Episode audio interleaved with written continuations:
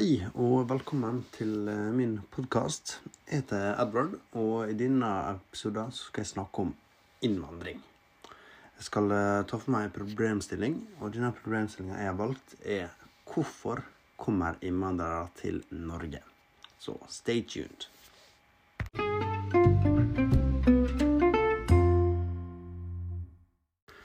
Jeg skal først starte med å forklare hva en innvandrer er.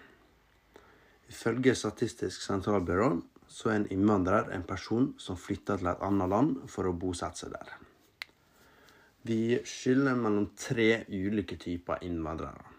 Vi har flyktninger, asylsøkere og arbeidsinnvandrere. Hvis du er flyktning, så kommer du gjerne gjennom FN sitt flyktningsprogram, der du blir plukka ut for å bli sendt til Norge. Da flykter du gjerne fra krig eller naturkatastrofe. Hvis du er asylsøker, så har du kommet til Norge på egen hånd og har veldig lite rettigheter. Da bor du på et asylmottak til du har fått oppholdstillatelse i Norge. Du flykter gjerne fra, for, fra forfølgelse og krig. Det siste det er arbeidsinnvandrer. Hvis du er arbeidsinnvandrer, så har du kommet til Norge for å jobbe. For å være en innvandrer og bli kategorisert som innvandrer, så må du ha bodd i Norge i seks måneder. Andre land opererer med tolv. Du, du, er altså ikke innvandrer hvis du er på ferie i Norge i fem måneder, eller studerer i Norge i fem måneder.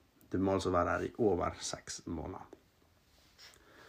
Vi skiller også mellom førstegenerasjonsinnvandrere og andregenerasjonsinnvandrere.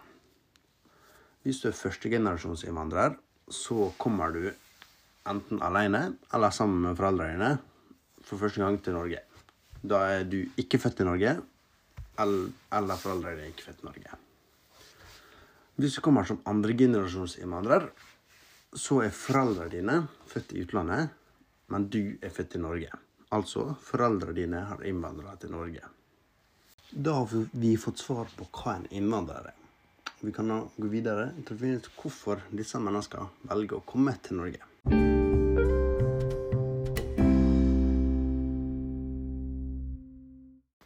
Det første vi skal snakke om, det er EU-utvidelsen i 2004. Det som skjedde da, var at veldig mange østeuropeiske land, som f.eks. Polen og Slovakia, meldte seg inn i EU. Dette førte til at eh, de nå fikk tilgang til det europeiske regelverket, som sikra bl.a. fri flyt over landegrenser.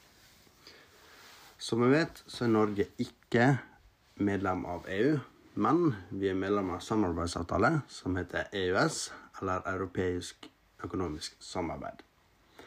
Denne avtalen gjør at Norge også har fri flyt over landegrensene. Dette gjorde at det var enklere for østeuropeere å nå komme til Norge og arbeide.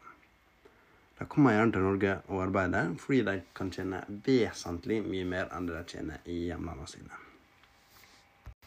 Ser vi på en graf som eh, SSB har publisert, som heter 'Hva er grunnen til at innvandrere kommer til Norge', så ser vi at den største delen av innvandrere som kom til Norge i 2019, de kom pga. arbeid. Det var 16 000 stykk som kom til Norge fordi de skulle jobbe. Og dette skjer pga. EØS-avtalen og EU-samarbeidet. Men det er så klart ikke bare arbeidsinnvandrere som kommer til Norge. I 2019 så var det 2300 asylsøkere og 2800 kvoteflyktninger som kom til Norge. Dette er første gang på flere år at det kommer flere kvoteflyktninger enn asylsøkere til Norge. Grunnen kan være at Norge har fått strengere eh, asylordninger og heller tar imot kvoteflyktninger. En annen faktor som eh, påvirker innvandringa til Norge, det er den såkalte brohodeeffekten. Man kan også si at dette er dominoeffekt. Eh, dersom mange innvandrere fra et land allerede har kommet til Norge, så blir det enklere for flere fra samme land å komme hit. Det så vi eksempel på på 70-80-tallet, eh, da mange pakistanere kom til Norge. I uh, starten så var det ikke veldig mange pakistanere.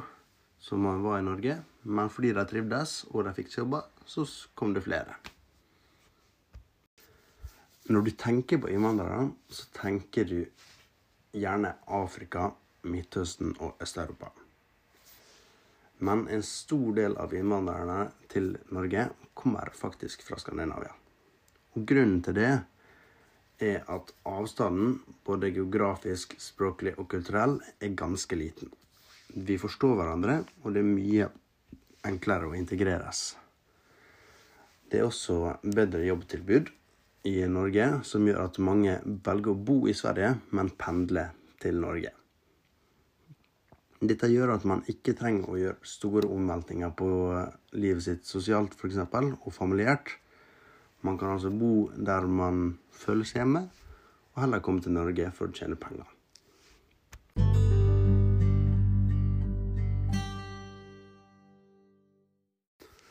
Til slutt så skal vi ha en liten oppsummering. Mm, vi starta med å få forklart hva en innvandrer var, og kom frem til at en innvandrer er en person som flytter til et annet land for å bosette seg der. Så gikk vi videre til eh, problemstillinga som var hvorfor velge innvandrere Norge. Og en stor grunn til at innvandrere velger Norge, det kan vi nok takke EØS-avtalen for. Den gjorde at det var mye enklere for, uh, for europeere å komme til Norge for å jobbe. Og det er helt klart arbeidsinnvandring som er den største gruppa innvandrere til Norge, med 16 000 i 2019. Eh, vi ser også at eh, det kommer flere kvoteflyktninger til Norge. Altså flyktninger som blir plukka ut av FN. Det kan jo vi si er bra. For de visse kvoteflyktninger så har du gjerne mer rettigheter enn en asylsøker.